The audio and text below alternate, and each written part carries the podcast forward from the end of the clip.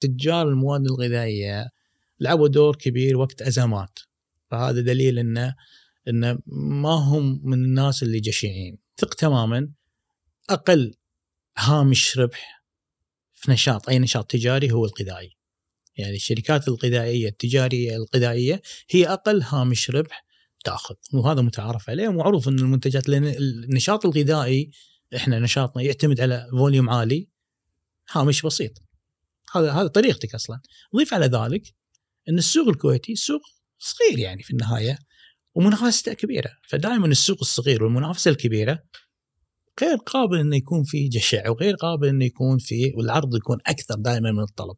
فدائما يكون وهذا اللي صاير يعني إحنا يعني إحنا سنين قاعدين موجودين اسعار الدجاج كانت طبيعية اسعار المنتجات الثانية كانت طبيعية. الكثير من المنتجات بالعكس كان ترى أنا أقول كلمة وأنا ملزم فيها. أرخص دولة في الخليج الكويت. بالخليج أرخص دولة لا زلنا وكنا وعلى طول أرخص دولة الخليج بالكويت. الكويت أرخص دولة في الخليج. يعني حتى الحين في المواد الغذائية بشكل عام بشكل عام بشكل عام.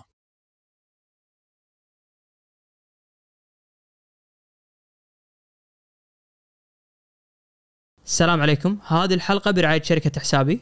إحنا شخصيا استشعرنا بالغلاء في قطاع الأغذية.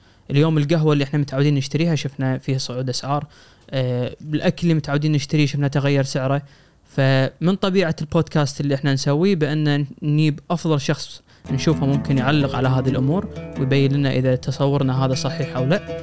فاليوم استعنا بالمهندس محمد المطيري رئيس تنفيذي لشركة العيد الأغذية أه وسألناه إذا هل اللي قاعد نشوفه بالفعل شيء صحيح ولا لا. أه موضوع ثاني نسمع أه الموضوع متعلق بجشع التجار التجار هم اللي قاعد يرفعون أسعار هذه الأغذية. ف طلع معنا اليوم مهندس وكان له رأي ويوضح إذا هذا الشيء بالفعل صحيح أو لا.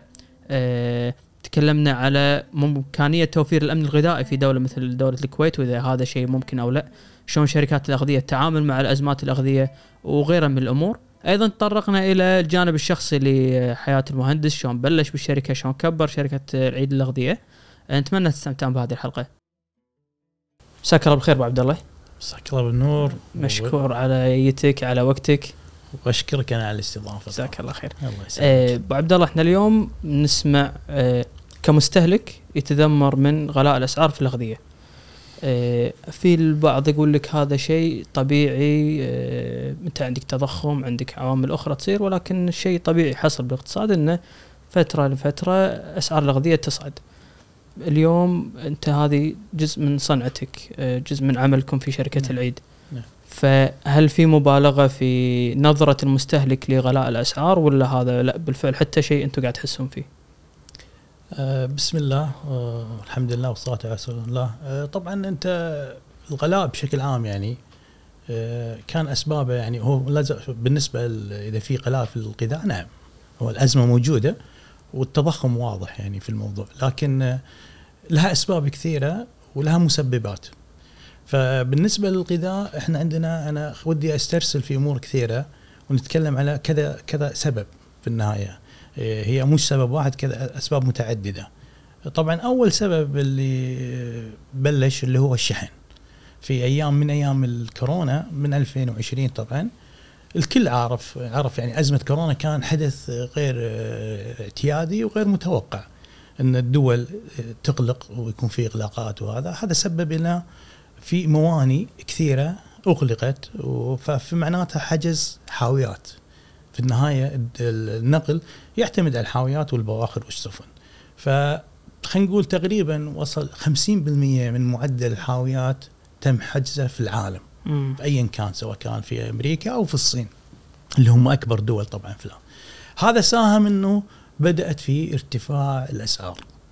وارتفاعات خلينا نقول بسيطة مقبولة إلى حد ما. ليه بعد لين كملت معنا كورونا تقريبا كذا سنة بدأت الارت... يصير يصير multiples صارت الأسعار 200% 3% 300% الارتفاع في الشحن. إحنا كدراسة كنا متوقعين إن الشحن يكون يعني يتحسن أو يتعافى خلال هذا العام من 2002 من من شهر 2 متوقع كان. هذه الخطة اللي كان متوقع على حسب إنه يكون يعني يبدأ ال- الأمور ترد طبيعي الحاويات المحجوزة ترد فعلا اللي بلشت ترد يكون لها دوران حول العالم ونفس الشيء إنتاج الحاويات الشركات اللي استدركت وضع الأزمة عشان تستفيد ماديا. لأنهم وقفوا فتره نعم. فأنتجوا حاويات طبعا فبدأوا ينتجون حاويات أكثر حسب الطلب لأن هي عرض وطلب صارت. فكانت هذه الخطة اللي كان متوقع الكل. لكن للأسف الشيء هذا ما تحسن بل بالعكس إحنا اليوم اليوم آه، آخر تقرير شهر واحد سبعة في زيادة في الأسعار في الشحن في منتجات كثيرة. يعني حسب التسعير اللي اطلقتها شركات الشحن. يعني هذا شيء غير متوقع مم. السبب إن في إن أول شيء الوقود اللي هو النفط ارتفاع أسعار النفط في الأسعار الحالية فعلا ساهم كبير. آه، السبب الثاني اللي هو كان غير متوقع الإقلاق الإقلاقات اللي صارت في الصين الفترة اللي طافت والحروب وحرب روسيا وأوكرانيا وحرب روسيا كان راح نجي لها كثير. اليوم راح نذكرها بكذا مرة لأنها فعلا لعبت دور كبير غير متوقع. فنفس الشيء فنفس الحدث اللي صار وقت الكورونا صار في إغلاقات في في الميناء بسبب الحروب أو إغلاقات في الصين بعض ال- اللي صارت في الفترة اللي طافت. هذه ساهمت إن لا زال لليوم إحنا قاعد ندفع ثمن إنه في ارتفاع في أسعار الشحن، هذا الشق الأول والأساسي والجوهري في أي قطاع إحنا نتكلم فيه. نيجي نتكلم على الشق الثاني اللي هو عملية المنتج نفسه ايا كان المنتج إحنا نتكلم عن الغذاء بشكل عام إحنا قاعد. نتكلم. في منتجات آه، تدخل في دور التصنيع وفي منتجات تدخل في المحاصيل. ففي النهاية المحاصيل أنت ما لك قدرة عليها هي في النهاية على حسب المحصول. آه، يعني مثال آه، وهذا حد ما لا حد ما لا حد لحد الحين ما حد لاحظها اللي هو يعني إحنا من شهر ثمانية وشهر 10 اللي طاف كان في مشكلة في محصول محصول البطاطس المجمد. يعني ال french fries البطاطس كان في أزمة. وأكثر ناس تضررت اللي هم اللي هو المطاعم الوجبات السريعة ماكدونالدز. وهذا اللي قاعد يشترون الحين وضرونا إحنا كتجزئه يعني بيدوا يشترون محاصيل بشكل كبير عشان يأمن الاحتياجه الاستهلاك فمثل مثل الشغلات هذه اللي هو تعتمد على المحاصيل أنت مالك لها دور. في النهاية هي ومشكلتها لما يصير ضرر ايا كان طبعا السبب سبب سوء بالنسبة خلينا نقول الصقيع ايا كان أو الأمطار أو الجفاف ايا كانت المسببات اللي خارج عن إرادة البشر تأثر على المحصول فالإنتاج يكون أقل فيسبب مشكلة ايا كانت المشكلة، إحنا قاعدين نقول أنا ضربت مثال بطاطس عشان نفهم إنه في كذا شق في الأزمة اللي قاعد تصير في الغذاء. آه، نجي للنقطة الثانية إنه عشان يرد الأمر طبيعي للمنتجات اللي محاصيل أنت تأخذ دورة السايكل دا مارت لك سنة كاملة المحصول القادم. فعشان تتعافى وترد خلينا نقول إلى طبيعي فتحتاج سنة كاملة. آه، ضيف على ذلك اللي هو الحين حاليا اللي الكل قاعد أكيد الكل يعرفه اللي هو القمح، يعني الكل لأن اليوم إحنا القمح آه، لأن حرب روسيا وأوكرانيا وأنا قلت حرب روسيا راح نتكلم فيها اليوم كثير راح تذكر في النقاش كثير لأن فعلا لعبت دور كبير في الموضوع. لأن آه، فاللي صار الحين في ال- ال- ال- ال- الأزمة هذه إنه أكثر إنتاج تقريبا أو أقول يساهم في إنتاج العالمي اللي هو أوكرانيا وروسيا اثنيناتهم منتجين ومصدرين. هو النقطة لازم نفهم إنه أحيانا في دوله قد دولة قد تكون منتجة لكن ما قاعد تساهم بالتصدير. هاي ما تضرك. لو يصير عندها أزمة مثلا اللي صار فما تضر العالم ما تضر الناس المستهلكة أو. المستوردة مثل إحنا كدولة الكويت. لكن دول تعتبر مصدرة أو خلينا نقول نص إنتاجها تستهلكه والنص الباقي تصدره هاي تلعب دور في المنظومة العالمية بس أبو عبد الله أنا عشان أفهم النقطة اللي قلتها أنت مساء قلت الدولة ممكن أن آه، إنتاجها للقمح على سبيل المثال جدا عالي بس ممكن ما تضر دول ثانية يعني لأنها. ما, ما تصدر ولا لا إذا الدولة مستهلكة نفسها داخليا تستهلك كل إنتاجها أو تستهلك تستهلك 70% فما يكون لها تأثير مم. تأثر على نفسها من داخل إيه ما ما يصير تأثير على ال- على الدول الدول العالم نفسها اللي تستورد منها لكن الدولة إذا تقول تصدر 50 أو 70% من الإنتاج لاحظ المعادلة شلون مختلفة. إذا هو يستهلك مثلا 20 30 ويصدر 70 80 هذا كله دور. مم. لأن في النهاية الدول تساهم. كل دولة لها دور يساهم في المحصول. أه والدليل إنه أمس يعني يعني لله الحمد يعني إنه يعني مع الضرر اللي صار في القمح والقمح طبعا إحنا قلنا يعني هي اللي ضر فيه الدول لأن في النهاية معظم الدول الخليج أو دول العالم القمح اللي دي- يدير الصوامع والإنتاج اللي هو الخبز معظمها الدول. خاصة إحنا بالسوق الكويتي يعني دولة الكويت هي اللي شركه مطاح الدقيق هي اللي تدير عملية ال- ال- الإنتاج ال- ال- الخبز والأمور هذه فلكن ال- ال- ال- ال- اللي كنت بقوله يعني لله الحمد يعني إنه الرز يعني في الهند كان المحصول جيد العام اللي طاف وممتاز. فهم نفس الشيء إحنا كدولة ترى نعتمد على استهلاك العيش. فيعني يعني الضرر يعني يعني كان أقل شوية. وجود الرز في الانتاج الزين مع دولة الكويت إن ترى دولة الكويت نفس الشيء. يعني حتى يعني الهند يوم أعلنت عدم تصدير القمح هذا عربكم ابو عبد الله صح؟ نعم و- و- وصار في الكل وصارت الدول تستخدم القوة مالتها مثل الإمارات والسعودية اللي الدول مثل أنا قاعد أعطيك نفط في المقابل أنت لازم تسمح لي توفر لي الأمن الغذائي مالي والاحتياج وهذا اللي صار لكن الكويت آه، لأنها تعتمد على دول ثانية مثل أستراليا وغيرها فما كان بالنسبة لها القمح آه، مهم بالنسبة لأوكرانيا لأنها ما كانت تستورد من اوكرانيا أو ما كان يلعب دور كبير في الموضوع. بس ما زال تأثيره على الاسعار إي نعم. نرد على شق ثاني بالنسبة لمكمل الكلام اللي قلناه اللي هو المحاصيل اللي هو زيت النخيل. نفس الشيء يعني ما حد لاحظه. يعني زيت النخيل لأنه يستهلك أكثر في المطاعم. فصار في ارتفاع ترى من سنة ونص أو سنتين ارتفاع كبير جدا. ومع الارتفاعات الشحن نفس الشيء رتم الارتفاع لا زال موجود. وال- والصدمة الكبيرة اللي يوم أعلنت إندونيسيا آه، بوقف تصدير زيت النخيل. نفس الشيء. صار الأسعار ارتفعت أذكر بوقتها إحنا كنا نشتري أكثر بيوم علق البورصة من كثر الارتفاع. بعد الخبر آه، ارتفع البورصة وعلق. وقفوا التداول من كثر ما ارتفع سعر النخيل بوقتها ذاك اليوم. آه، وكان حتى إحنا قلنا نشتري فكنا ننطر أيام أحيانا اللي هو السبلاي موردينا آه، إنه يطوف يعطينا أسبوع ما يعطينا السعر لأنه ما كان عنده الرؤية واضحة والاسعار عفوا أبو عبد الله نقطة شوية اثارتني موضوع ال... أنتم شلون تش- يعني عندكم شلون تشترون أنتم هالأشياء؟ شلون شلون اسعارها؟ اي اي إحنا إحنا مشكلة ال- إحنا في العيد لأن الشركة نعتمد على المنتجات الأساسية كموديتي فأحيانا مثال السكر. أحيانا زيت. أحيانا نربط أو خلينا نقول مدير المشتريات أو قسم المشتريات اللي عندنا يعتمد على المؤشرات والأرقام العالمية. فمضطر إنه يشوف البورصة يشوف الأسعار في البورصة. بورصة تغذية هي يعني هي في بورصة. السكر يتداول في البورصة.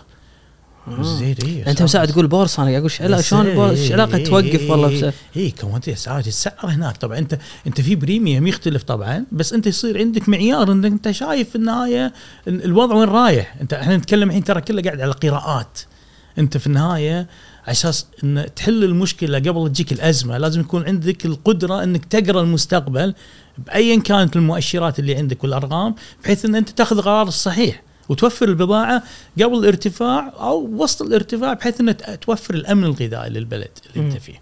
فهذه جزء من اللي, اللي, اللي تكلمنا عنه المحاصيل ففي كثيرة جاوب على سؤالك إنه هل في قلاء؟ نعم وللأسف إن القلاء قاعد يتوسع في كذا محور يعني ممكن إحنا أيام تجينا أزمات إحنا كل مرة كان يجينا أزمات كل خمس سنين كل ست سنين منتج منتجين ثلاثة الحين إحنا صار لنا سنتين أو سنة ونص بعد الكورونا يعني طقه الكورونا ما تعافينا منها اللي هو بسبه الشحن والشحن ما تعافينا منه ولا زال مستمر جتنا أزمات كثيرة منها محاصيل اللي ضربت لك أمثلة فيها ومنها موضوع الدجاج اللي اللي صار الحين. ف وحرب روسيا وأوكرانيا لعب دور كبير في الموضوع. أبو عبد الله أنت مساعد ذكرت نقطة تخص المطاعم. اليوم أنت كشركة تشتغل بقطاع التجزئة زين آه وقطاع المطاعم. وقطاع المطاعم وأنا كمستهلك. نعم. شلون هذا موضوع المطاعم يأثر علي؟ يعني أنت قلت اليوم المطاعم قاعد تاخذ ال- ال- المعروض بالسوق. إيه، طبعا هو هو أول شخص يعني عنده القدرة إنه يدفع سعر أكثر من ال- المنفذ الثاني التجزئه اللي هو قطاع المطاعم. لأن قطاع يعني آه، آه، قطاع المطاعم الهامش ماله أعلى. في النهاية هو raw material هو يصنع في النهاية. فأي شيء يدش في التصنيع وينباع منتج نهائي في هامش أعلى من إن المنتج أنت تستورده وتبيع على الرف. يعني هذا ما في. في عمليه شحن وفي هامش معين وتنحط. فالشخص فال خلينا نقول القسم اللي يشتري ويكون هامشه أعلى يتقبل صدمات الارتفاع. فهو أكبر أسرع شخص ممكن يشتري المنتج عن عن الطرف الثاني طبعا يعني- أنا بشكل عام أنا اعطيت لك القصة لكن خلينا بسوق الكويت مختلف تماما؟ إحنا نتكلم السوق الكويتي آه، منظم في اتحاد الجمعيات التعاونية، اتحاد الجمعيات التعاونية هي اللي تعمم الأسعار، فأنت مطالب في الجمعيات التعاونية في سعر معين على الرف. فأنت غير قابل إنك ترفع هذا السعر إلا لما تجيب موافقة من اتحاد الجمعيات تطالب برفع السعر ويوافقوا لك على رفع السعر بعدها يعمم لك السعر الجديد وت- وتبيع المنتج مالك بالسعر الجديد. هذه على المواد الأساسية ولا هذا كل المنتجات بشيء سواء كان غذائي وغير غذائي. تكلم على أي منفذ ينباع وهذا ساهم في المشكلة. شلون؟ إن أنت في النهاية لما ما يكون عندك المرونة إنك في النهاية عرض وطلب ويكون إنك إنك تكون سوق حر وتفتح شوية راح يكون عندك آه، مشكلة في عملية إن المستورد في النهاية البضاعة تكلفتها أعلى من بيعها الرف فما يستوردها. فيصير عندك انقطاعات. طبعا أنا ما راح اتكلم ما بتكلم النقطة هاي عشان تفهم ال- النقطة إن هذا الواقع اللي صار في حد الأسباب. طبعا لله الحمد يعني إحنا لازم نستشهد إنه آه، في الكويت وهذا الشيء لازم يكون واضح يعني لعبنا دور إحنا كشركات غذائية مع وزارة التجارة في أزمة الكورونا، أزمة الكورونا كانت أزمة وجود إنتاج مصانع مغلقة وكان في تواجد والشحن. والكل ترى ولعبنا دور كبير في التنسيق انه الكل ترى في كورونا ما انقطعنا إحنا في منتجات كثيرة. والدراسات بل بالعكس الدراسات اللي طلعت بعد الكورونا من التوب 10 من أفضل الدول كان الأمن الغذائي فيها موجود كان احدها أحدها اللي هو دولة الكويت. ف صار عندنا بس شيء أنا قاعد هذا ترى رديته على أساس نبين إن تجار المواد الغذائية لعبوا دور كبير وقت أزمات. فهذا دليل انه انه ما هم من الناس اللي جشعين. هذا واحد. اثنين في النهاية أنا آه، عبارة عن مستهلك. في النهاية أنا أهلي بيتي أسرتي عائلتي قبيلتي ايا كان. في النهاية إحنا مستهلكين. ففي النهاية وإحنا المجتمع الكويتي معروف دواوين وقاعدة وهذا. ففي النهاية الكل يتكلم وهذا. لكن أحيانا الظروف خارج عن إرادتك. آه، لكن آه، ثق تماما. أقل هامش ربح في نشاط أي نشاط تجاري هو الغذائي. يعني الشركات الغذائية التجارية الغذائية هي أقل هامش ربح تأخذ وهذا متعارف عليه ومعروف إن المنتجات لأن النشاط الغذائي إحنا نشاطنا يعتمد على فوليوم عالي هامش بسيط. هذا هذا طريقتك أصلا. ضيف على ذلك إن السوق الكويتي سوق صغير يعني في النهاية ومنافسته كبيرة. فدائما السوق الصغير والمنافسة الكبيرة غير قابل إنه يكون في جشع وغير قابل إنه يكون في والعرض يكون أكثر دائما من الطلب. فدائما يكون وهذا اللي صاير يعني إحنا يعني إحنا سنين قاعدين موجودين أسعار الدجاج كانت طبيعية أسعار المنتجات الثانية كانت طبيعية. الكثير من المنتجات بالعكس كان ترى أنا أقول كلمة وأنا ملزم فيها أرخص دولة في الخليج الكويت. إب. بالخليج أرخص دولة لا زلنا وكنا وعلى طول أرخص دولة الخليج بالكويت. الكويت أرخص دولة في الخليج. يعني حتى الحين في المواد الغذائية بشكل عام بشكل عام بشكل عام. لأن يلعب دور. أنت في النهاية أنت عندك نظام اللي هو التموين نظام أمن غذائي. ترى أنا من الناس اللي دائما كنت أعول إن الكويت آه، الأمن الغذائي بالكويت بأمان. ولا زلت اقوله وأنا يعني آه، شايفها من منطلق خبرتي ومن وجود السوق. وجود التموين آه، يدار عن طريق شركة المطاحن الدقيق وشركة الكويتيه للتموين إنه يوفر لك منتجات أساسية بشكل شهري بحصة واضحة وهو يتحمل الفرق ثاني امن لك الأمن الغذائي.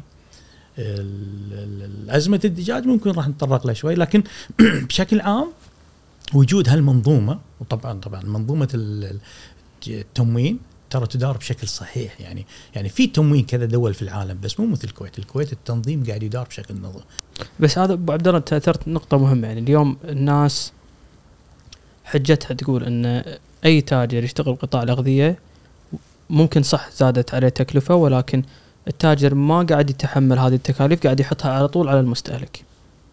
إيه، ما المفروض إن التاجر ياخذ على الأقل حمل شوية وإذا هو عنده هامش ربحية 10% يحاول يقلل عليه 5% بدال يحطه كله على المستهلك؟ طبعا أتفق معك 100% هذا الحس الوطني المفروض وهذا ال- ال- المفروض اللي يكون. لكن آه، في النهاية آه، أول شيء هذا اللي قاعد نقول إحنا قاعد نتكلم عن نسب جدا متدنية ما هي بالنسب اللي هي ما حد يعني لا تتوقع يعني مثلا إن الشخص اللي يجيب يستورد المواد الغذائية ويبيع لك على رف الجمعية قاعد ياخذ مثل هامش الربح ال- الكاكاو اللي أنت قاعد تشتريه أو أو السندويشه اللي أنت قاعد تاكلها فهذا في فرق كبير. هذا واحد. اثنين بالنسبة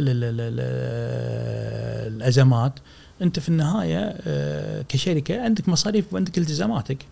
آه، فأنت مطالب أنك إنه يكون هامشك يغطي مصاريفك أنك أنت آه، ما تخسر. آه، لكن سؤالك إذا أنت تتكلم إنه المفروض إذا الصدمة بسيطة المفروض إن التاجر يكون عنده الوعي والحس الوطني ويمتصها ها؟ وبعدين يبدأ يتداركها مع الوقت. الأزمة الأزمة اللي صارت اليوم أكبر من التاجر إنه يمتصها. فالنهاية يعني خلينا نعطيك مثال. خلينا نتكلم مثال الدجاج الدجاج هو أكبر مثال اليوم صار. بما إن إحنا من الناس اللي قاعد موردين للدجاج. اليوم الدجاج ارتفع سعره 80% فت متى فتره هذه؟ مقارنة خلينا نقول هو بدأ يرتفع من شهر من شهر 8 اللي طاف. شهر 8 و9 بدأ يرتفع بأسباب الشحن اللي إحنا تكلمنا أو الأعلاف. بلش بالأعلاف. طيب مثال الأعلاف اليوم أنت قاعد تتكلم الأعلاف هي مصدر أساسي للدجاج. آه، وهي مسبب للارتفاع. الذره ارتفع 150% فول الصويا ارتفع 100% تقريبا قاعد أعطيك أرقام حسب الإحصائيات القديمة يمكن صارت أكثر الحين. أنت الشحن عندك اول تكلمنا فيه ارتفاع نسب كبيرة. فهاي كلها مسببة للارتفاع. اليوم الدجاج من شهر ثمانية إلى الحين طبعا هو في- أسباب كثيرة خلته يقفز وراح نتكلم عنها الحين إلى 80% أنا بس بجاوب على سؤالك. إذا أنا السعر عندي ارتفع 80% وأنا هامشي دائما أقل من 20 أو ال 15 اللي أنت قاعد تتكلم.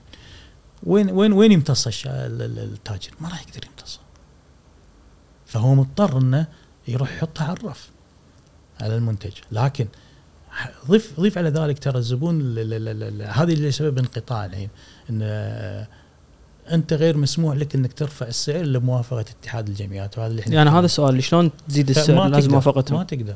فإحنا خسرنا. يعني أجاوب على سؤالك في منتجات بسيطة فترة من الفترات وجودها في الجمعية أو عرف الأسواق كان خسارة بالنسبة بس. عشان ما تنقطع. بس عشان ما تنقطع. في النهاية أنت في market share فأنت وهذا اللي أنا بقوله يا جماعة إن أنت في النهاية التاجر لازم يحافظ على حصته في السوق وال market share ماله. ودائما في الأزمات تكون فرص حق اللي عنده حر عنده آه، خلينا نقول هدف أو استراتيجي إنه يكبر حصته وينمو في السوق ال market share ماله حصته في السوق. فعشان تزيد نسبة حصتك في السوق في وقت الأزمات هي الفرص اللي أنت تقتنصها. فإحنا نسميها استثمار. مم. فأنا است... هني هنا هني نغير لنا المعادلة. مو أخسر إني أنا أستثمر الحين كوجود آه، إني أستثمر خلينا نقول بدال لا أحط خلينا نقول marketing campaign أو خلينا نقول مصاريف تسويق، تسويقيه أجارات أرفف مجانيات وهذه كلها مصاريف قاعد تكون موجود لا تلعب دور في التجزئة. وهي أحد الأسباب اللي قاعد تساهم في الغلاء. آه، وتكلمنا عنها كثير في اتحاد التجار المصنعين المواد الغذائيه آه، لكن آه، أنا أستثمرها مقابل إني أزيد حصتي مقابل أجني ثمارها بعدين. يعني أنا أستثمر اليوم حق بعد سنة. مثلا إذا أنا market share مالي 20 30% وجت فرصة إني أنا أستثمر أنا أستثمر مقابل أزيد الحصة مالتي. هذا وارد. بس عشان وهذا اللي قاعد يلعبون الناس. عشان أفهم أبو عبد الله أنت تقصد إن إذا أنا فرضا محمد اليوم رحت الجمعية أنا مش متعود أشتري آه، دي اي عزيز. بس عزيز لغ... ما قاعد يربح من الدي اي فقرر إنه خلاص يوقفه مو موجود على الرف. فأضطر أروح عند دي اي ابو عبد الله ويعجبني وخلاص أصير أنا أنت تكسبني كحصة سوق. مثل brand awareness marketing كم؟ هذا هو.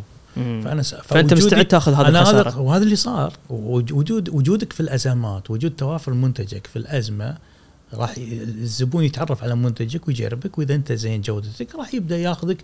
وصارت switch إحنا دائما نقول ترى حتى بالسوق الكويتي مشكلة السوق الكويتي عندنا خاصة في الدجاج عندهم ولاء على brand معين قديم. الولاء هذا ينكسر متى؟ في الأزمات. مم. أحيانا. وأحيانا الفرص هي الأزمات تعتبر أحيانا فرص خاصة في الغذاء إحنا نسميها فرص. فإحنا لعبنا من ناحيتنا كشركة عيد بالعكس لعبنا إن الدور هذا يكون آه هذا. نجي لموضوع الغذاء الدجاج ما كملنا اللي هو الارتفاع. قلت أنا يعني تساهم في الموضوع هذا إن إحنا آه، بشركة عيد عندنا شقين شق اللي هو المنتج برازيلي وشق منتج ثاني روسي وأوكراني. بسبة الحرب روسيا وأوكرانيا وقف المنتج هذا عنه. فأنا تقريبا 50% من من البضاعة الاستيراد اللي تجيني اللي أنا أستوردها انقطعت عني. مم. وهذا الشيء بالنسبة للسوق بشكل عام. فأنت قاعد تتكلم تقريبا من 15 ل 20% من حصة الدجاج اللي قاعد يدش السوق الكويتي انقطع توريدها بسبة الحرب نيجي الحين نتكلم عن حجم السوق الكويتي. حجم السوق الكويتي أي بضاعة قاعد تدش الكويت أو قاعد تنتج في السوق المحلي قاعد تروح الجزئين 50% قاعد يستهلك في التجزئة اللي منه التموين. و50% قاعد يروح للمطاعم والقطاع الهوركة. ف منطقيا وهذا اللي لحد أسباب الانقطاعات اللي صارت.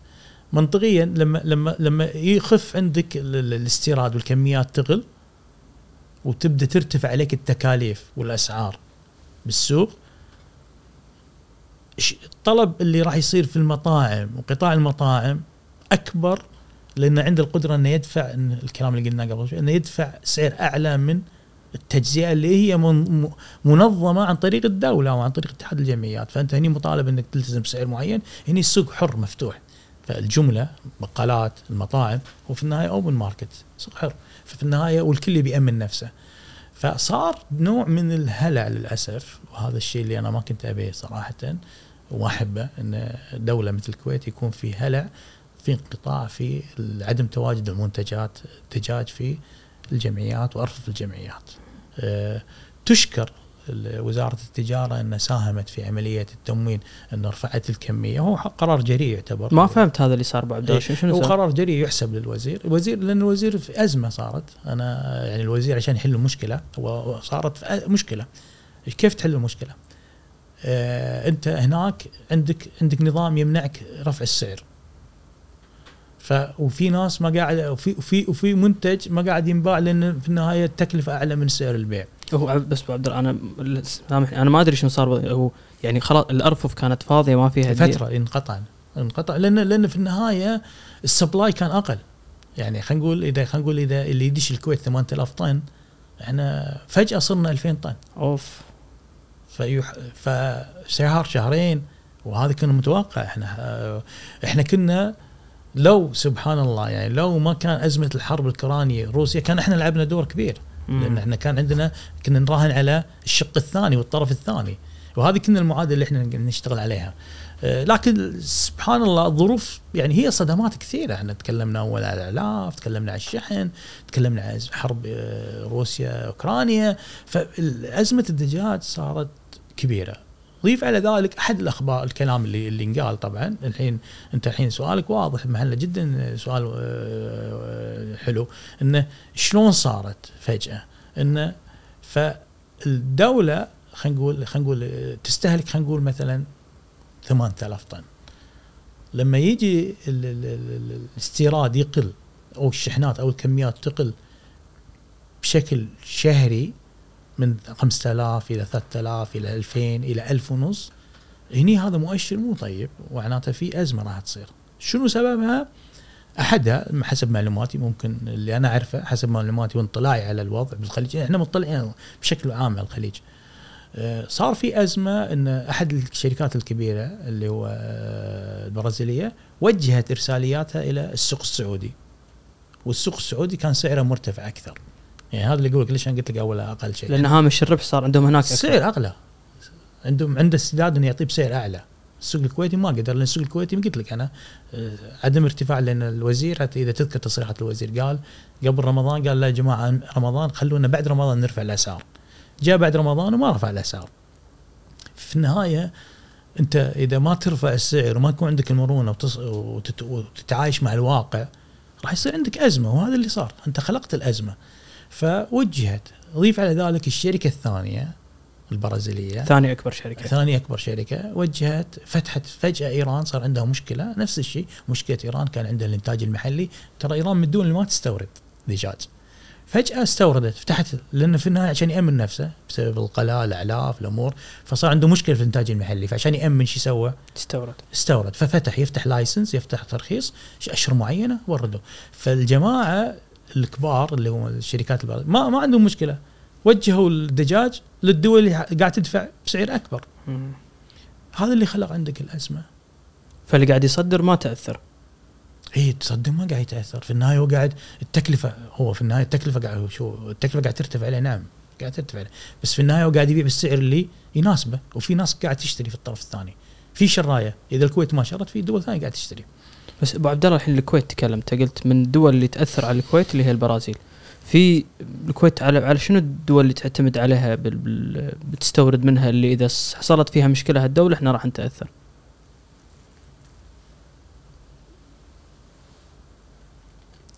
الرز فرضا من؟ يعني إحنا أنت قاعد تتكلم عن شق إن الدول اللي تصدر اللي نعتبر يعني أنا بس أبي يعني. لا أقصد اليوم الكويت فرضا موضوع الدياي معتمده على البرازيل فإذا البرازيل صارت نعم، مشكلة نعم، نعم، الكويت نعم، تتأذى. نعم. مثلا ذكرنا أن روسيا وأوكرانيا الكويت ما تستورد منهم قمح فما تاثر نعم وايد. لكن قاعد نستورد منهم دجاج وهذا اللي ساهمنا إحنا. بس أقصد شنو في دول ثانية بعد؟ يعني الكويت وين تعويلها بالاستيراد؟ فرضا بالمواد الأساسية مثل الرز الشكر إيه، هالاشياء إحنا إحنا في النهاية إيه، بالنسبة للرز طبعا الهند هي أكبر دولة آه، مصدر. لأن في دول كبيرة تنتج رز مثل الصين وإندونيسيا وهذا لكن ما تصدر وتايلاند. تايلاند يعتبر من أكبر الدول تنتج رز. إحنا بالنسبة لنا كدولة الكويت نوعية الرز الهندي هو المطلوب عندك في السوق المحلي. هو اللي قاعد يجي قاعد تتعامل معه آه، التموين قاعد يستورد منهم. آه، بعدها يجي باكستان. هم هم الدولتين اللي بالنسبة لك مهمين.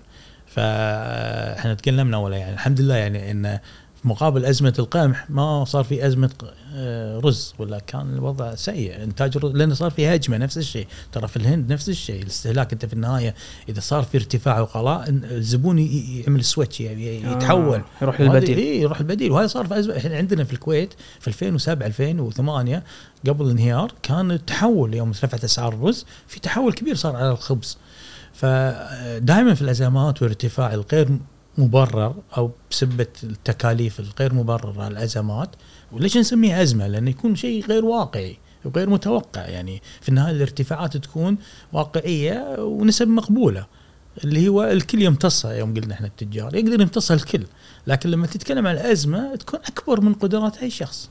نتكلم اليوم إحنا قاعد نتكلم عن أزمات دول مو قادر عليها. يعني القمح مصر وغيره دول حاسة في مشكلة في أزمة آه، مو قادرة. مو اهميه السعر الحين ما قاعد نتكلم عن السعر نتكلم عن التوفر والكميه مم. أنا في دول الحين عندها القدرة تدفع لكن عطني الكمية اللي أنا أبي. إذا أنا أبي 1000 طن توفر لي 1000 طن مو توفر لي 500 طن مثلا. فالأزمة أكبر من الغلاء الأزمة في التوافر. وهذا اللي صار إحنا في الكويت للأسف صار عندنا مشكلتين مشكلة انقطاع ومشكلة اللي هو الارتفاع. الانقطاع أقول لك الحمد لله يعني من نقول شبه انحلت يعني الكل زاد يعني إحنا حرصنا زدنا كمياتنا لكن مشكله دوران خلينا نتكلم ما دام تكلمنا كثير عن الدجاج خلينا نتكلم عن دوران الدجاج. الدجاج دورانه آه، طويل. إيش تقصد بالدوران؟ يعني انك انك من تطلب على ما يجيك ياخذ له تقريبا أربع شهور.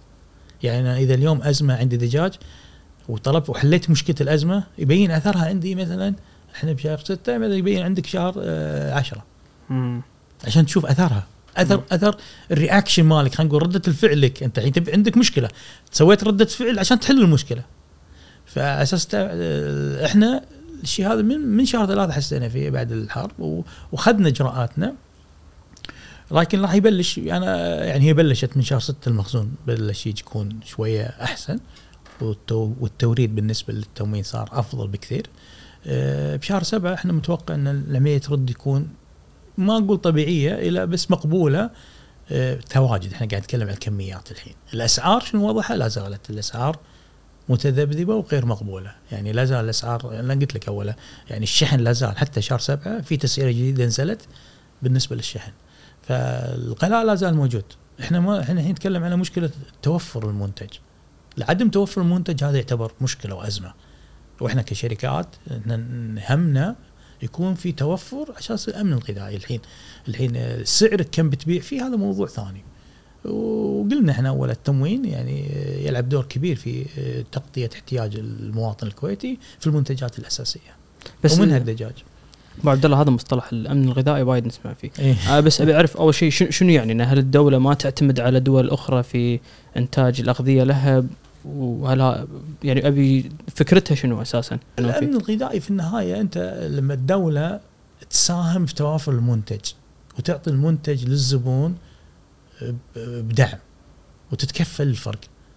خلاص انتهى. فهي ما تعتمد. ترى هي جزء من الاشتراكية على السوق الحر. إحنا مم. في النهاية أنت في النهاية أنت ما تعتمد يعني في مثال يعني الرز الحين أنت الزبون الكويتي ما قاعد يشتري رز من الجمعيات لأنه في النهاية قاعد ياخذ من التموين. وضيف على ذلك كثيرة. حليب البودر الأمور كثيرة يعني في النهاية. فهذا يعتبر من- في- منتجات أساسية أنت قاعد يستهلكها البيت الكويتي قاعد تاخذها أنت عن طريق التموين بشكل مدعوم. هذا أمر غذائي وهذا اللي أنا قلت لك يوم الكورونا آه، يعني دراسات يوم طلعت يعني كنا من التوب يعني من أفضل الدول في العالم. وفرت الأمن الغذائي أيام كورونا اللي هو طبعا الشق الثاني اللي إحنا ساهمنا فيه اللي هو الشركات الغذائية ساهمت فيه بالتعاون مع وزارة التجارة. وش مش متوقع أنت أبو عبد الله الحين مع استمرار الحرب آه، العوامل المناخية ما قاعد تتغير آه، إيه. شنو شايف يعني أسعار النفط واضح إنه على الأقل الفترة القريبة مثل ما هي عليه والله للأسف يعني آه، فعلا الوضع ال ال ال ال شوف إذا تكلم عن جزئية الدجاج هي كتواجد المنتجات راح حلت. مشكله الانقطاع والسبلاي انحلت راح يكون موجود لكن التكلفة لا زالت عالية جدا. إيش كثر تاخذ لها؟ ما حد يدري. بس هذا أنا بدي على الأغذية حتى بشكل عام. أنا راح جايك الآن. إيه. بالنسبة للغذاء بشكل عام قلت لك أنا هي محاصيل. وضربت لك مثال زيت النخيل وضربت لك مثال اللي هو البطاطس. فالمحاصيل والقمح طبعا نفس الشيء بالحرب. حلت مشكلة الحرب ترى ترى لعلمك ال- القمح أزمة لحظية. يعني بكرة من يفتح الأوكراني راح يصدر راح تنزل الاسعار تنهار. مم. لأن المخزون موجود. المخزون موجود. عملية إعادة التصدير للمخزون هذه المشكلة. تفعيل دور المواني هذه المشكلة. هذا اللي صاير في الحرب. آه، ف آه، يعتمد. فالمنتجات المحاصيل المحصول الجاي اللي بعدها إذا كان الإنتاج زين وما واجهه مشاكل مناخية لا راح يرد طبيعي. وهذا وهذا الساي وهذا الدوران السايكل اللي قاعد يصير بالغذاء الحلو في الغذاء انه انه, إنه, إنه ما في شيء يكمل. يعني في النهاية لابد الله سبحانه وتعالى يعني يحقق الدوران التعادل الاعتدال ويكون في الإنتاج يكون أفضل ويكون في بديل ثاني فترة معينة وترد يصير في توازن وترد الأمور طبيعية. هذا بالنسبة للمنتجات الأساسية الاستهلاكية الزراعية، التصنيع هذا يدش فيه دور ناس يعني مثال الدجاج أو غيره أو المنتجات المصنعة هاي يلعب فيها دور المصانعات والإنتاج سواء كان الوقود ارتفاع الوقود أو ارتفاع الشحن. وهذولا إذا إذا ما نزلوا قاعد يساهمون في التكلفة. اللي أنا أشوفه اللي أنا قلت لك كذا مرة وأنا اكد عليه اليوم إن إحنا لازلنا في الكويت أرخص دولة في الخليج. فلا بد إن نتقبل إن هاي الأسعار بسبب الظروف الحالية انت مضطر انك تتعايش معاها. لكن آه، السوق الكويتي مثل ما قلنا المنافسة فيه كبيرة والسوق عبارة عن صغير. فثق تماما متى ما صار العرض أكثر راح تنزل تنهار الأسعار. يعني في كثير من السنوات كان في أزمات كان انهيار عندنا وكان يعني إذا بتذكر 2008 في الدجاج كان نفس الشيء ارتفاع الأسعار. ب 2009 50% انهارت الأسعار الدجاج. مم. اللي كانوا يربحون خسروا. وكثير من الشركات خسرت ب 2009 بال- بالنسبة لأزمة الدجاج. يعني بالنسبة للانهيار اللي صار. أنا قاعد أعول على الدجاج لأن هو اللي قاعد اللي قاعد يصير هو المثال الواقعي الحالي. فهي في النهاية عرض وطلب. آه، متى ما توفر العرض. يعني مثال إحنا متوقعين بشهر سبعة راح تتوفر كميات كبيرة. فممكن يصير في منافسة بين التجار ويصير في آه، تنزيل للاسعار وممكن تنزل أقل من التكلفة. ابو عبد الله ال- مساء لأن أنا معلق بمخي موضوع المطاعم. الحين طفرة المطاعم اللي قاعد تصير هذه يأثر علي أنا كمستهلك؟ يعني اليوم مع يأثر عليك أنت في النقطة هذه إذا في ش... آه، وين أثر علينا بالفترة اللي طافت؟ وسحب المخزون. لما يصير الكميات اللي داشة أقل من المعدل الشهري لاستهلاك الدولة. فاللي اللي يدفع بشكل سريع ويدفع ما عنده مشكلة يدفع بسعر أعلى قطاع المطاعم والجملة. وهذا اللي صار فسحبت المخزون عشان شيء إحنا لاحظنا انقطاع في الجمعيات. فالمخزون اللي جاي قاعد يجيك أقل ما قلنا إحنا الكميات أقل 40 50% 60% من معدلك الشهري قاعد يجيك. فعندك نقص 60% من البضاعة اللي جايتك بشكل شهري. الكل قاعد يتسارع. في الشح صار. لما يصير شح شو يصير؟ يصير في هلع. لما يصير في هلع الكل شنو؟ قاعد ياخذ. ضيف على ذلك في هلع سبب ثالث. سبب ثاني. انت لما يصير عندك هلع كصاحب مطاعم شو تسوي؟ بدال تشتري استهلاكك الشهري قاعد تشتري ثلاث شهور. مم. فسببت أكثر. بدال لا تساهم تخفف علينا الأزمة أنت ساهمت مع معنا بالأزمة. انك لأنك أنت خايف تبي تأمن احتياجك مطبخك المركزي أو مطعمك. فبدال لا تشتري الشهر بتقول الشهر الجاي راح أشتري بسعر أعلى أو احتمال ما حصله. فأنا امن نفسي ثلاث شهور. فلاحظ لو الكيس هذا يصير مع كذا واحد فالكل هو دائما في الهلع. والأزمات الكل يكثر يزيد المخزون وتذكر انت في كورونا والعمية فلما تزيد أنت المخزون أثرت للحركة الطبيعية. أنا already عندي أزمة اللي قاعد يجيني أقل من المعدل. تيجي أنت تعمل حركة غير طبيعية ال reaction مالك ردة الفعل مالك إنك أنت تشتري شيء أكثر من احتياجك وتذكر حتى حتى وزارة التجارة كثير إحنا قاعدين نتكلم عن الموضوع إنه يا جماعة لا تخ... لا تشترون أكثر من احتياجكم يا جماعة لا تخزنون. اذكر يوم كورونا كانوا يحطون إيه حد على. الخبز. لانك تهلع أنت, تخ... أنت لما تسوي الحركة هذه تشفط أنت تس- تسحب أكثر. فاكد على كلامك نعم المطاعم سحب وقطاع الجملة والبقالات سحبوا. فلانه بيأمن نفسه أكثر فقام يخزن أكثر قام يشتري قام يشتري أكثر من استهلاكه الطبيعي مرتين أو ثلاث مرات عشان يأمن نفسه حق شهر شهرين قدام. بس أبو عبد الله أنا قاعد أفكر بصوت عالي. ما المفروض هنا يكون في تنظيم ولا تشريع بأن أنا أرغم فرضا المورد أو ايا كان انه حتى السوق المحلي انه ما يصير أنت تبيع كامل كميتك لقطاع المطاعم. أنا ما أدري إذا هذا شيء أصلا لا، هو- يتطبق هو- على أرض الواقع. هي هي مطا يعني مثال يعني أنت عندك التزام مثل إحنا عندنا التزام مع التموين إن نورد حسب العقود مالنا وهذا ملزم بالنسبة لك وأمن غذائي فلا بد يكون لك دور فيه واضح. لكن الأسواق الثانية لا مفتوحة. أنت مو عندك حرية تبيع بأي مكان. إيه، سواء كان في الجملة أو في البقالات أو في الأسواق المركزية الموازية. في بتاع- ترى الأسواق الموازية تشكل نسبة كبيرة يعني اللي هو غير الجمعيات التعاونية. والجمعيات التعاونية تشكل النسبة الأكبر طبعا. وقطاع المطاعم والجملة. فأنت في النهاية آه، لك الحريه إنك تبيع بأي مكان. بس أقصد المواد الأساسية فرضا. المواد الأساسية already موجودة في التموين مأمنها. الدولة مأمنتها لك.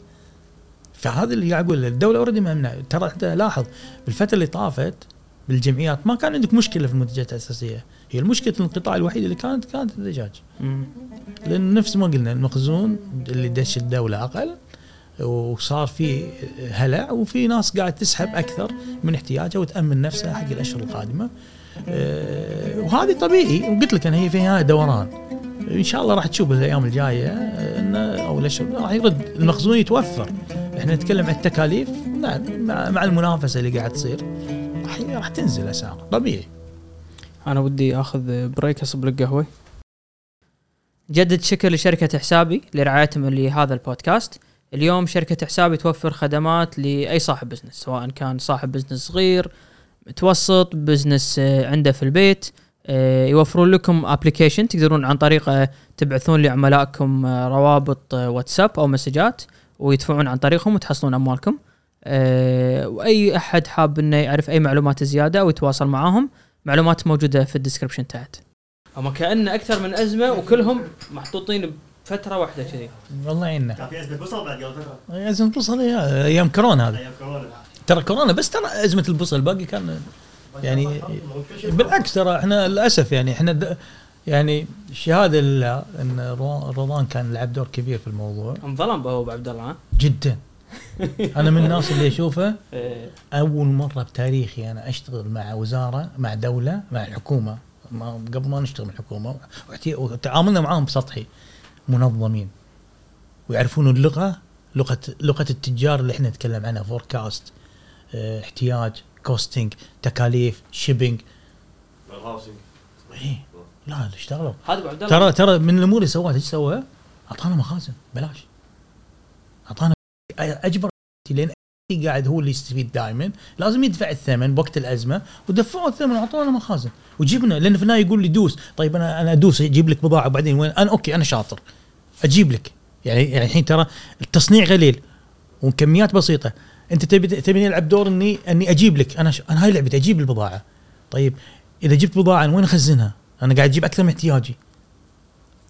أنا قاعد أجيب forecast مخزون أكبر عشان امن الاحتياج الست شهور القادمة للدولة وهذا اللي صار. فاقتنعوا وحطوا أعطونا مخازن. بس هذا لأن موضوع التخزين يأثر عليكم الحين زيادة أسعار الأجار فرضا. جدا. لا أحد أحد ممكن نتطرق لأن أحد أسباب الأزمات الدجاج إنه مجمد وفي تكلفة ما حد عنده مخزون كبير.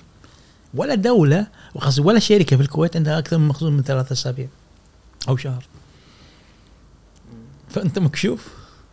بس فلان لانك انت مت... هي امتاد هي تس... مثل ما قال أساس التوريد. فأنت عندك بضاعة قاعد تثبتها ذبحة. أنت تشتري ليش قلت لك ال cycle أربع شهور؟ أنت تشتري تثبت تنذبح تنشحن. تجي في الطريق. في الشحن عندك. عندك في المخزون عندك اللي قاعد تبيع بالسوق. ففي مخزون قاعد ينباع بالسوق. في مخزون قاعد يجيك بالمينا. في مخزون بالمينا. في مخزون مخازنك. وفي مخزون بالحاويات قاعد جايتك بالطريق. وفي مخزون قاعد ينذبح لك. ما يوقف. إي فأنت لا هي هذه هي شغلتك أنت بالدجاج بس شنو لما تقول إنه ما تلزم المخزون؟ ما ما ما ألزمه يعني بالنهايه هو قاعد يجيب كيفه حسب احتياجه.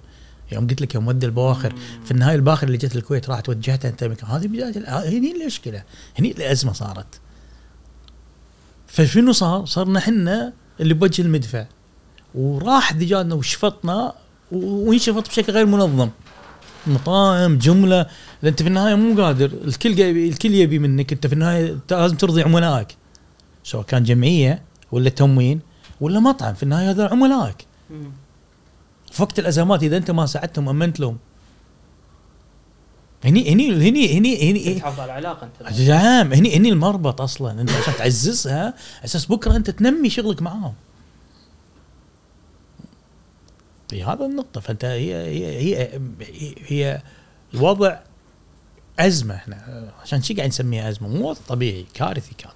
فأنت مضطر إنك تتعامل مع الوضع والمعطيات بالشكل الصحيح وردة فعلك تكون جدا يعني سلسة ومتقبل في النهاية أنت أنت لك لك قطاع اللي هو التجزئة ولك قطاع اللي هو المطاعم. فأنت مضطر إنك تلبي الكل وتراضي الكل. ضيف على ذلك قطاع المطاعم هو اللي كان يدفع أكثر يعني. اي هو مسكين. مسكين مسكين مسكين مسكين يدفع أكثر. وما عنده مشكلة ويتحمل بس وفر لي البضاعة لأنه في النهاية ما يبي ينقطع. وهني وهني لا يتفلسف عليك ومجاني ومصاريف ومدل عليك وفلوسك تاخذها بعدين. طول يطول. في السداد. إيه إيه إيه. أنت مو يستفاد من هالموضوع. يعني إحنا- ماكو إحنا- دولة بالعالم. إحنا بالتمام. يخاف إحنا ما شوف- 75 90 شركه 75 80 شركة. أكبر شركة في الكويت. من 85 75 80 شركة. التمويل. بالتمويل. تدري إيش يسوي بالتمويل؟ لا. ياخذ ما تدفع لك إيه. التمويل يدفع لك. الفاتورة يدفع لك اياه ويروح يحصل وياخذ منك. إيه ياخذ مني فلوس أنا بس أنا آخذ فلوسي كاش أنا أنا أنا أنا, أنا بوري أنا أنا ب أنا ب ب أبعد عن آه، صداع التحصيل. وقت التحصيل. ولان أنت تحتاج يصير عندك مناديب بس هدفهم يروح يوقع لك رئيس الجمعية وتعال. لا لا لا. professional عشان أشتغل وازج نفسي. بيت التمويل أنا أقدم فواتيري بيت تمويل أبيع باسم بيت تمويل وأخذ فلوسي من بيت وهو يدابج ورا الفلوس هو ما يدابج بس هو قاعد ياخذ ياخذ نسبة عليها. اي ياخذ نسبة ياخذ اي في النهاية فأنت في النهاية ال cash flow مالك أنت في النهاية شركة cash flow لازم يكون عندك مو. فالكاش فلو مالك موجود مأمن لك. أنت في النهاية كل ما كان كاش فلو مالك موجود كل ما ساعدك وساهم إن أنت تكبر. بس خوش معلومة أول مرة أسمعها بصراحة. إن الجمعيات الشركات الكبيرة قاعد تتعامل مع الجمعيات لأن هذه هو البيت التمويل خل عمل حلول. هذا حكي قديم هذا حكي قديم بالتسعينات. لأن صداع الشركات الكبيرة أنت عندي يا أنا أنا أنا فاضي إني آه، أداب- أركض وراك. أعطني فلوسي ولا ما تعطيني إياها؟ وما أعطتني إياها وقف التوريد عنك. خسرت. وهذا ترى أحد اسبابها ال market share. أنا لما أنت تضغطني ما تعطيني فلوس شو أسوي أنا عشان أضغط عليك؟ ردة فعلي إني ما أوفر لك البضاعة. وأضغط عليك عشان تعطيني فلوسي. فأنت إذا ما وفرت لك بإيش صار؟ انقطع منتجي من الرف خسرت ال market share مالي. ترى يا جماعة في في نقطة معينة لازم تستوعبها أي وكالة إحنا نمثلها في area manager موجود في يمثل الشركة في تقارير في اي سي نيلسون report تطلع. فإذا أنا ما وفرت منتجي في مكان معين الشركة الأم راح تجي تطالبني. وعشان كذي قاعد تصير تسحب الوكالات من موزعين. وتروح الموزعين ثانيين يعني ما شاء الله يعني كم كم وكاله اخذنا فإذا أنت دورك ال distribution مالك مو صحيح مو professional أنت مضطر إنك تخسر وكالتك وبحصة سوق كذي تروح. لحظة. إيه؟ فعشان كذي أحد ال solution كان حلول. يعني بيت التمويل كان حل إنك تم توخر عن الازعاج وال pressure والضغط التحصيل.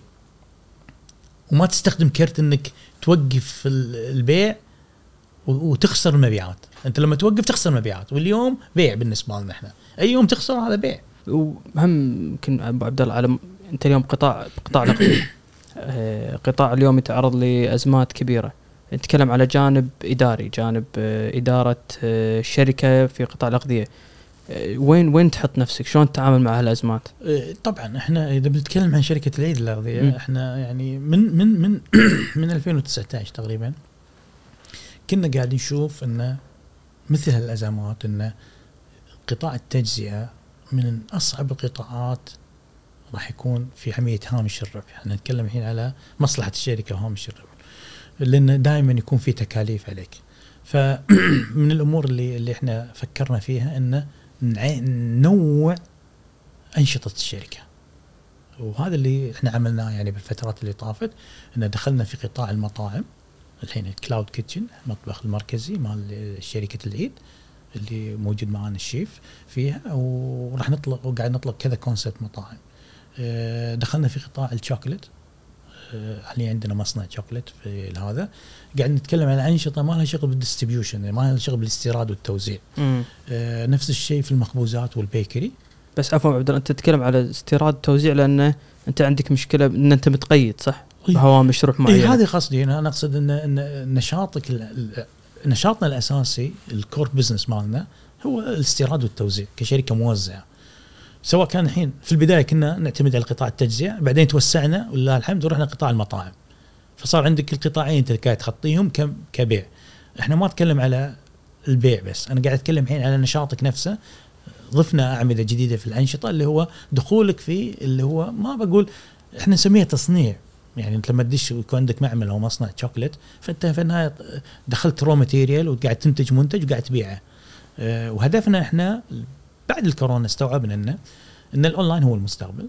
مم. فصار أه، كل مشاريعنا اللي إحنا أطلقناها بالفترات اللي طافت ومنها حتى إن نعتمد على الأونلاين بشكل كبير.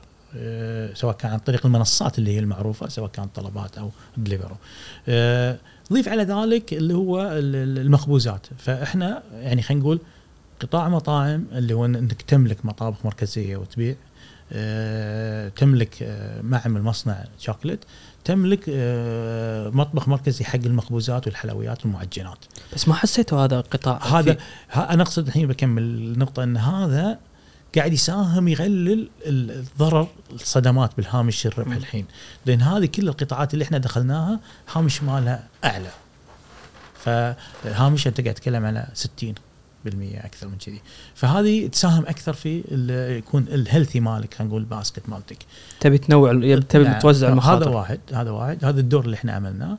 ضيف على ذلك إن إحنا بدينا نستحوذ أو نتعاون مع مشاريع محلية. يعني مثال آه سواء كان في المطبخ المركزي برانش الاستحواذ اللي اعلنا عليه أو إن نتبنى المشاريع الصغيرة. مثال إنه بدينا يعني شركة العيد الاغذيه قبل إحنا نوزع ناخذ وكالات عالمية ونوزعها نستوردها ونوزعها. فكرة إن ناخذ وكالة أو موزع حق شركة آه، علامه محلية كويتية هذه ما كانت موجودة سابقا. إحنا الشيء هذا بدينا تغيرنا يوم شفنا ان في مشاريع صغيرة المشاريع الصغيرة اللي تحت الصندوق. قاعد تعاني من مشاكل التوزيع في الجمعيات. لأن نفس ما قلنا قطاع التجزئة والجمعيات قطاع مو سهل صعب. فأساس نساهم في الشيء هذا فعلا فتحنا الباب الخيار وبدينا في عملية كافيتيريا شويخ كمنتج وبعدين بدينا بعدها في بنت مناحي آه، كمنتجاتها هنادي الهاجي فعلا من المنتجات الكويتية فروزن وكلها فروزن لأن إحنا نشاطنا فروزن وأخيرا وقعنا مع ال- ال- الكازي كمصنع اجبان وهذا كله ابوها مصانع يعني تحت الصندوق ومشاريع صغيرة. آه، آه، نفس الشيء تعتبر متنوع. انت إنك صرت إنك تأخذ منتجات محلية فيها ميزة معينة تخاطب فئة معينة. تساهم انت في دورك إنه يكون في تعاون وشراكة وانت تتبناهم وتك- وتلعب انت في دور التوزيع اللي هو انت الانفراستراكشر الموجودة عندك سواء كان مخازنك أو ال supply chain أو التوزيع مالك. بس عشان أفهم ابو عبد الله اليوم أنا عندي منتج محلي. أروح حق شركة العيد فرضا لأن أنا ما بعور راسي بالتوزيع هم عندهم قنوات إيه، خالصة إيه، موجودة. طبعا يعتمد يعتمد إذا في توافق بيننا وبينك ان إن فعلا إحنا راح نضيف لك. إحنا نبحث عن شراكة استراتيجية. إذا فعلا أنت مثلا منتجاتك تدش في توجه الشركة وسياستنا إحنا بالعكس الساعة المباركة وهذا اللي قاعدين نسويه إحنا نساهم ونلعب دور. وش شو يصير أنت دورك؟ أنت تصير تلعب التصنيع دور التصنيع والار ان دي اللي هو التطوير. فأنت هذا اللي قاعد نقوله طور ركز على شغلك. نعم أنت لا تشتت لأن التوزيع عالم وال- والتصنيع عالم. فأنت العب دور التصنيع بشكل صحيح ابدع وإحنا نلعب دور. من الأمور الثانية إنه هو اللي إحنا يعني أسبابنا انه إنه في المستقبل يكون في ممكن استحواذات إن نستحوذ على الكيانات هذه اللي إحنا قاعد نوزع لها. شوف ادائها إذا نعم يناسب. نعم هذا واحد. اثنين إحنا أطلقنا التوسع الإقليمي. العيد الحين أحد نفس الشيء مثل ما قلت لك إحنا لعبنا دور في التوسع الأنشطة تنوع الأنشطة مالتنا ان ما نعتمد على نشاط معين اللي هو التوزيع الاستيراد والتوزيع. دخلنا في أنشطة مختلفة. ضيف على ذلك الحين إن ما عاد نبي نعتمد على دولة الكويت كدولة. لا زال دولة الكويت يعتبر أساس بس نبي نطلق برا إطار آه، دولة الكويت اللي هو صار إنه الحين بلشنا في دبي وعن قريبا راح نطلق آه، استحواذ لنا في السعودية. آه، التوسع التشغيل مالنا وإنه يكون عندنا وكالاتنا أو علاماتنا الخاصة فينا بالتعاونات مع المصانع الكويتية أو اللي إحنا نملكها ال private labels ونبدأ نعمل تشغيلنا في دول ثانية. ومدنها إحنا أطلقنا وأنا أطلقت الاستراتيجي مالتنا اللي هي goals 25 وحددنا فيها رؤية واضحة واستراتيجية واضحة إن إن خلال الخمس الثلاث سنين القادمة اللي هو من 23 ل 25 الهدف مالنا والاستراتيجية مالتنا إن 50% من ال- ال- الوضع الحالي يجي من ال 50% من إيرادات الشركة راح يجي من التوسعات المستقبلية اللي إحنا حطيناها في الخطة. بحيث ان وضع إن البزنس الحالي مولنا اللي هو يشكل 50% فهذا يعتبر تنوع إنك تتنوع في مدن مختلفة وإن نشاطك الحالي راح يشكل بالمستقبل 50% من إيرادات الشركة مم. وأعتقد هذا هو اللي يبحث عنه المساهم إنه يكون في رؤية واضحة في تنوع استراتيجي تساهم في عملية اللي هو في النهاية زيادة الإيراداتك ونفس الشيء اللي هو ال bottom line إنه زيادة الأرباح مالتك. في النهاية المساهم آه، يبي يشوف توزيعات مجزية يبي يشوف فعلا نمو في وتنوع في وإحنا شعارنا قاعد نقول دائما نمو متواصل في. العيد مساكم على القوة. الله أبو يسلمك عبد الله أنا بس سؤال بحطه حتى حتى قبل. أه بس ودي نسولف على موضوع أه كلفة التخزين بالكويت. طبعا التخزين فعلا آه، بشكل عام التخزين يعتبر نقص في الكويت. آه، في آه، والمجمد أسوأ. يعني لأنه محتاج تبريد. المخازن المخازن بشكل عام بالكويت في شح. آه، ضيف على ذلك اللي هو المجمد. المجمد في شح وفي تكلفة أعلى بالواقع. وفعلا يعني إحنا حرصنا إن قدمنا يعني صار في كثير كلام بعد الكورونا إن خيارات إن في منطقة مخازن راح تتوزع. وفعلا أسسنا إحنا شركة كجروب شركة مخازن. على أساس نكون من الناس الأوائل. لكن للأسف لا زال الأزمة موجودة. آه، فنعم يعني لو في مخازن مبردة مجمدة للكيانات الشركات الكبيرة مثلا يعني لو الدولة مثلا تعمل دراسة تشوف منو الشركات اللي تلعب دور في استيراد المجمدات أو تلعب دور في توريد المنتجات المجمدة سواء كان للتموين أو للت... للقطاع الغذائي بالكويت وتساهم ويكون في تعاون ويكون في مثلا بي أو تي أراضي بحيث إن هم يطورون مخازن لهم فيكون عندك هب مخازن كبيرة بالعكس أنت وفرت. فصار عند الدو... لا صار في أزمة التاجر أو الشركة عندها القدرة أن تستورد أكثر من احتياجها وتخزن لك إذا أنت طلبت منها ونسقت معها إنك تأمن لي احتياج مثل هذا اللي قاعد يصير الحين أمن لي احتياج حق ثلاث شهور أو ست شهور. لما الإنفراستراكشر موجودة لما يكون عندك البنية التحتية موجودة بالعكس الكل يبي هذا جزء من الأمن الغذائي صح؟ وه- وهذا وهذا الطبيعي إن أي شركة تحب ان تكون تلعب دور في الشيء هذا لكن شح الأراضي تكلفة التخزين المجمد ساهم انه في وقت الأزمات ما عندك القدرة التخزينية. فتنكشف بسرعة. ضيف على ذلك إن غير المخازن يعني إحنا مخازن أحد الأسباب الجوهرية. ضيف على ذلك اللي هو التصنيع. يعني إحنا عندنا دراسات من 2005 و2006 دراسات جدوى موجودة في هيئة الصناعة ما زال. في أراضي إحنا خصص لنا حتى. في صفحات ما اعطونا حد فالتأخير في عملية لعب دور المصانع المحلية مثل ما قلنا. وفعلا وهذا التوجه يعني إحنا اليوم تعلمنا درس من يعني كل حتى في أزمة كورونا كل أزمة لابد يكون في درس ويتعظ الشخص منها. فإحنا من الدروس اللي تعلمناها إنه لابد يكون لنا ما دام إحنا كشركة نلعب دور في المجمدات خاصة في دير المجمد لابد يكون لنا دور في مساهمة في الإنتاج سواء كان في الإنتاج المحلي أو إنتاج يكون يملك تملك الشركة خارج دولة الكويت. بحيث إنه يكون لنا دور نتحكم في الأزمات بحيث إنه يكون لك دور تساهم وتتحكم. أما إنك ما يصير لك دور إنك تتحكم فأنت مطا... في النهاية أنت الشيء خارج عن إرادتك وهذا الواقع اللي قاعد يصير الأيام هذه. فاحنا إن شاء الله أحد الاستراتيجيات اللي إحنا راح شفناها في الفترة اللي طافت سبه المشكلة أزمة ال- ال- اللي قاعد يصير الشح والأمور إنه راح يكون لنا دور إنه كاستراتيجي إنه يكون في المستقبل يكون لنا دور يساهم في الحلول المستقبلية. أبو عبد الله صدق شنو موضوع آه، موضوع الشباب الكويتيين يعني أنا مريتك المكتب الأربعة ما شاء الله اللي كانوا قاعد مع شيء غريب. الأربعة اللي قاعدين ما شاء الله كانوا كويتيين أي. عمت متى بلشت شنو صار؟ اي أنا انتقلت أحد أسباب نقلتي هني أه الله يخلي لنا متعب ويوسف رمضان. زين. إيه أه هم كانوا agency مالي مال marketing agency عندنا كان كذا مشروع عندنا شركة منها زهور الريف وهذا. عندنا إحنا retail cosmetics وهذا عناية بالجسم مثل البودي شوب تقريبا. فهم كانوا ال marketing مالنا agency فهذا الحكي ب 2017 يبلش هني العلاقة.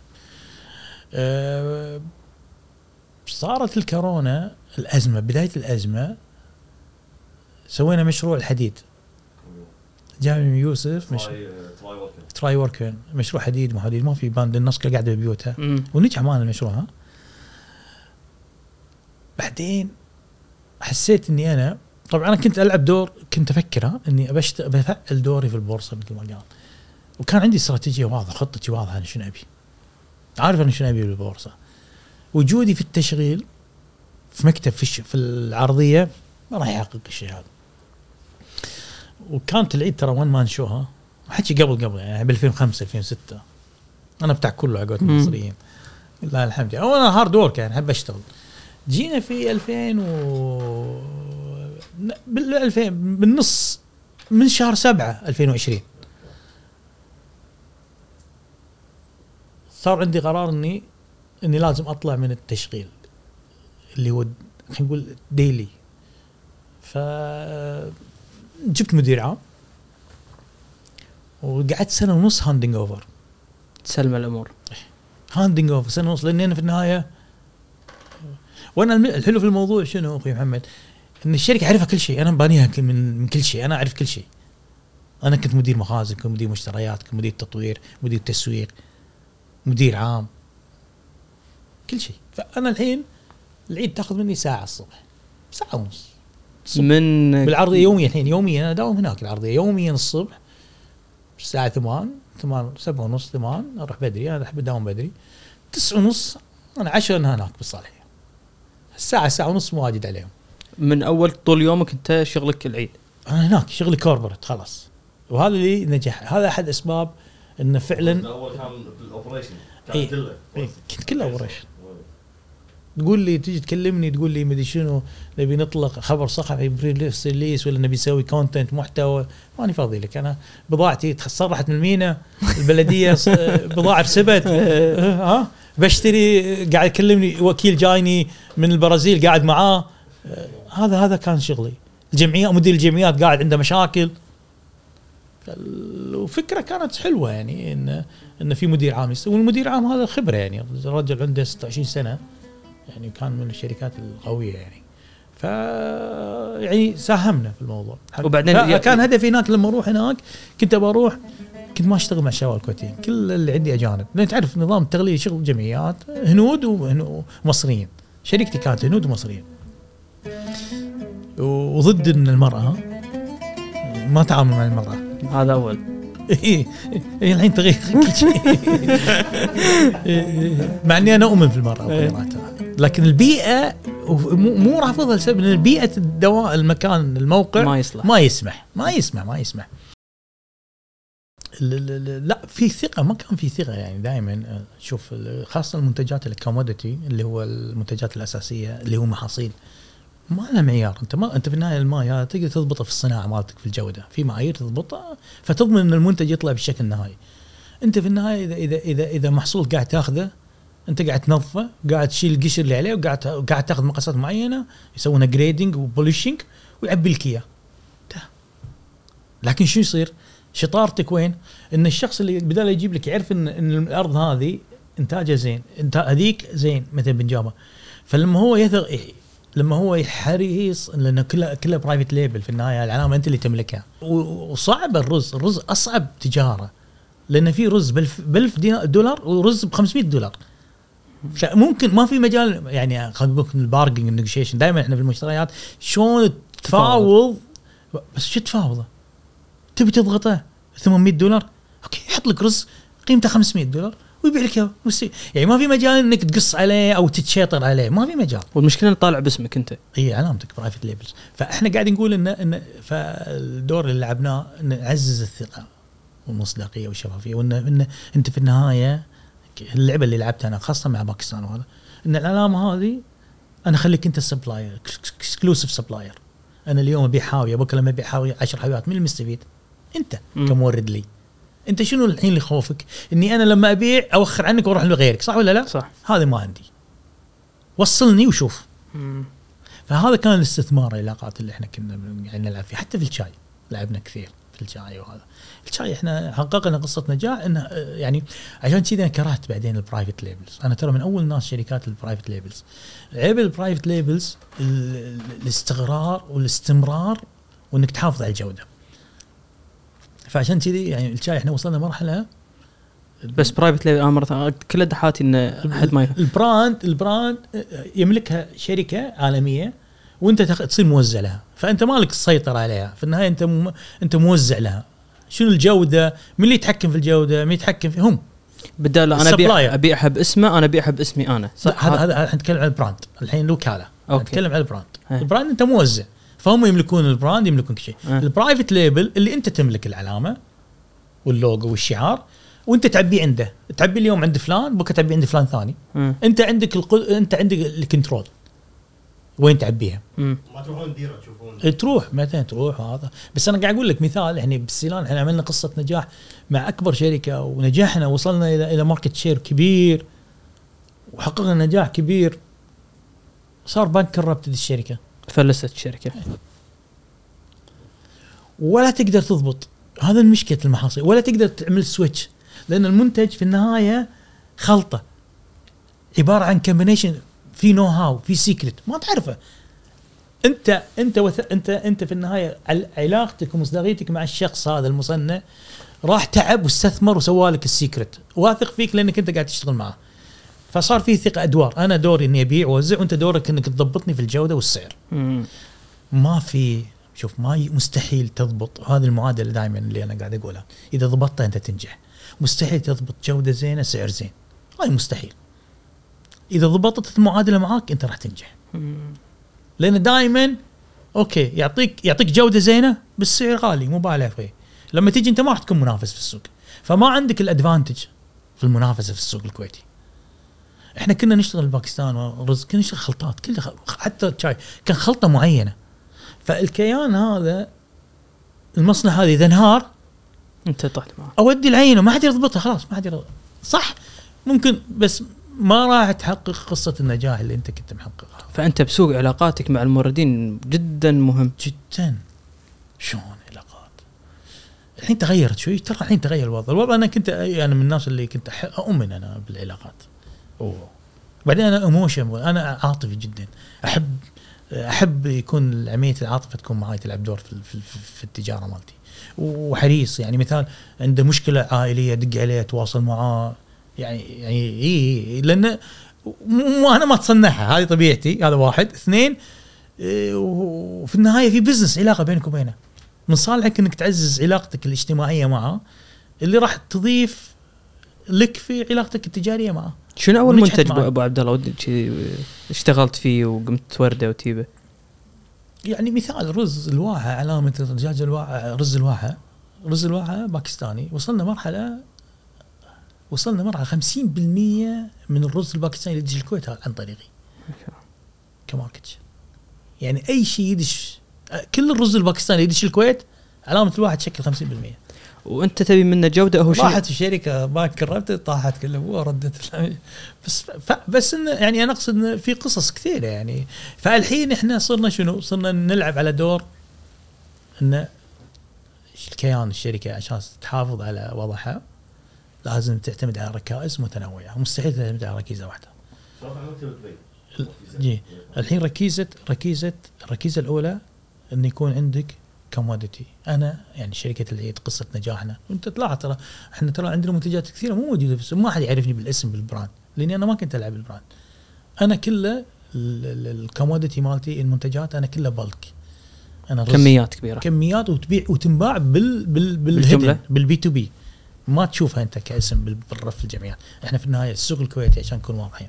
السوق أنا كغذاء يعتمد على ال population على تعداد السكان. الأربعة مليون الكويتي الأربعة مليون عدد السكان الكويتي. 70% عبارة عن وافدين 30% كويتيين. مم. فمنو الشريحة المفروض أن نستهدفها؟ الوافدين. 70 صح. وهذا المنطق يقول وهذه أنا العيد.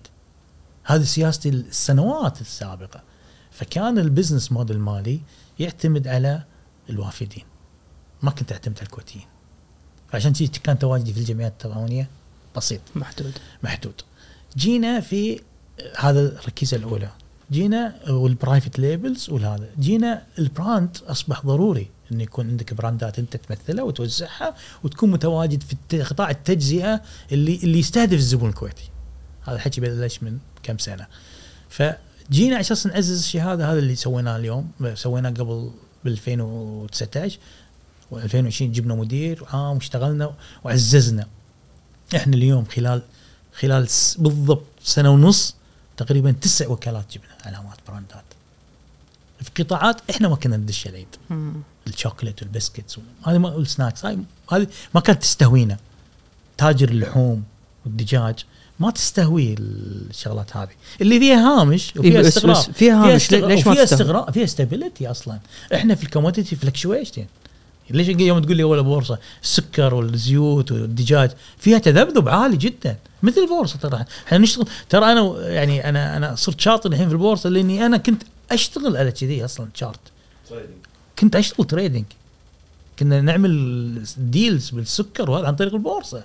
مم. نعمل closing والامور هاي كلها الركيزة الثالثة اللي إحنا الحين اشتغلنا عليها إن أنت تطلع من مظلة التوزيع وإنك تملك شيء you own اللي هو مطاعمك المطبخ المركزي مصنع الشوكولات ما- فهذه الوكالات اللي إحنا راح ننطلق فيها. وهني تحكم مصيرك أنت صح؟ نعم. وص- وص- وص- وصرت ما أنت تحت رحمة المورد لك أو ال supplier.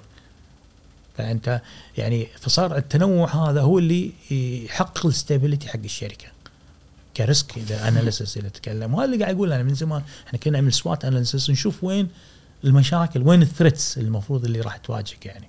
وكنا نحاول نحط لها حلول. آه، نضيف على النقطة الحين اللي قالها متعب إنه رحنا إحنا لدبي لسبب. يعني دبي في النهاية ترى كتوزيع ما راح تفيد. overhead ال distribution مالها عالي جدا دبي معلش ال overhead تقصد فيه شنو؟ أه، مصاريف لا، مصاريف كل أبوها. مصاريفك المباشرة والغير مباشرة اللي تكلفك إنك توزع المنتج سواء كان في التخزين رواتب ايا كان. في التشغيل. فمصاريف التوزيع جدا عالية ومكلفه أعلى دولة في الخليج. فمنطقيا اللي يروح هناك يخسر. أول ثلاث سنين على ما break even على ما.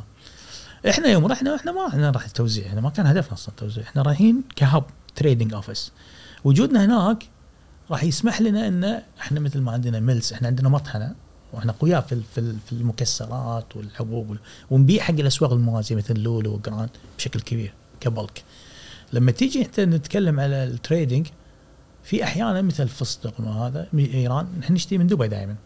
فأحيانا شو يصير؟ يصير في فرص خاصة في ال commodities اللي هم المنتجات الأساسية أو المحاصيل. يكون خلينا نقول صار في نقص الحين أنت توقعت أن المحصول القراءات الأولية تقول أن المحصول راح يكون مو زين.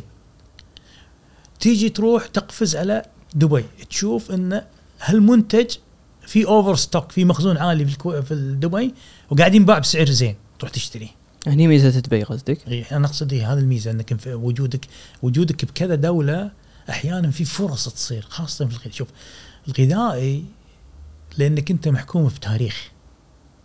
ففي انتهاء صلاحية. تضيف عدد المجمدات اسوء طبعا سنة وتسع شهور. في منتجات أعلى بس في النهاية في تاريخ يحددك. فعمليه ال one off الفرص موجودة على طول السنة. السبب شركة فلانية جابت حست إنه في فرصة وشرت أكثر من معدلها. وبنفس الوقت في شركة ثانية جابت أكثر من معدلها. يوم جم تفاجئوا اثنيناتهم إن قاعد يبيعون المنتج بكميات والسوق ما يتحمل. مع الوقت شو يصير؟ أنت عشان تحل مشكلتك بعد خلينا نقول أربع شهور خمس شهور استوعبت إنه خلاص. راح يصير عندك over stock. لازم تسوي liquidity تبيع بسعر صرفة. رخيص فشو يصير عندك الخيار؟ يصير إذا أنت جاك شخص تاجر أو شركة ت- تبيعها أنت عليها وتاخذه برا دبي أنت هني ارتحت لأن خلينا نقول مثلا أنا عندي خمس حاويات أو عشر حاويات ومتوهق فيهم وقاعد أبيع معدل حاويتين في الشهر فأنا عندي خمس شهور على ما أصرف الكمية لما يجيني شخص ويشتري مني الخمس حاويات وما ينافسني في ديرتي طلعهم برا. لا هذه النقطة. لما يطلعهم برا أنا أقدر أكمل خمسة أبيعهم بالسعر العادي اللي فير بالنسبة لي ما أخسر فيه. فشي يسوي؟ يجي يعطيني credibility يعطيني ميزة بالسعر. يا معود فكني بس منهم خذهم. دام تطلعهم سوق ثاني خذهم. أيوة. ضيف على ذلك. إذا أنت شركة معروفة. مو trading office يعني هذا المشكلة اللي, اللي, الحين في دبي أنت تجي منو أنت؟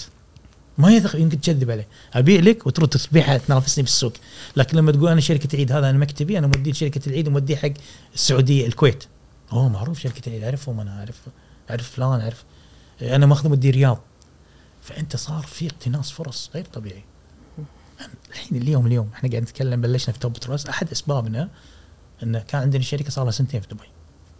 أنا أقول لك من الناس اللي كنت ضدها في البداية لأنه ما كان توظيفها واضح. بعدها يوم شفت قصة نجاحها بال group أنا العيد رحت فتحت اليوم بسبة النجاح اللي صار.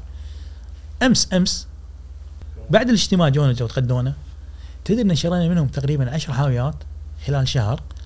فرصة كان عندهم مخزون يوم شافنا وقعدنا وشاف إمكانياتنا يوم راح دبي عندهم مخزون 10 حاويات متواقين فيه.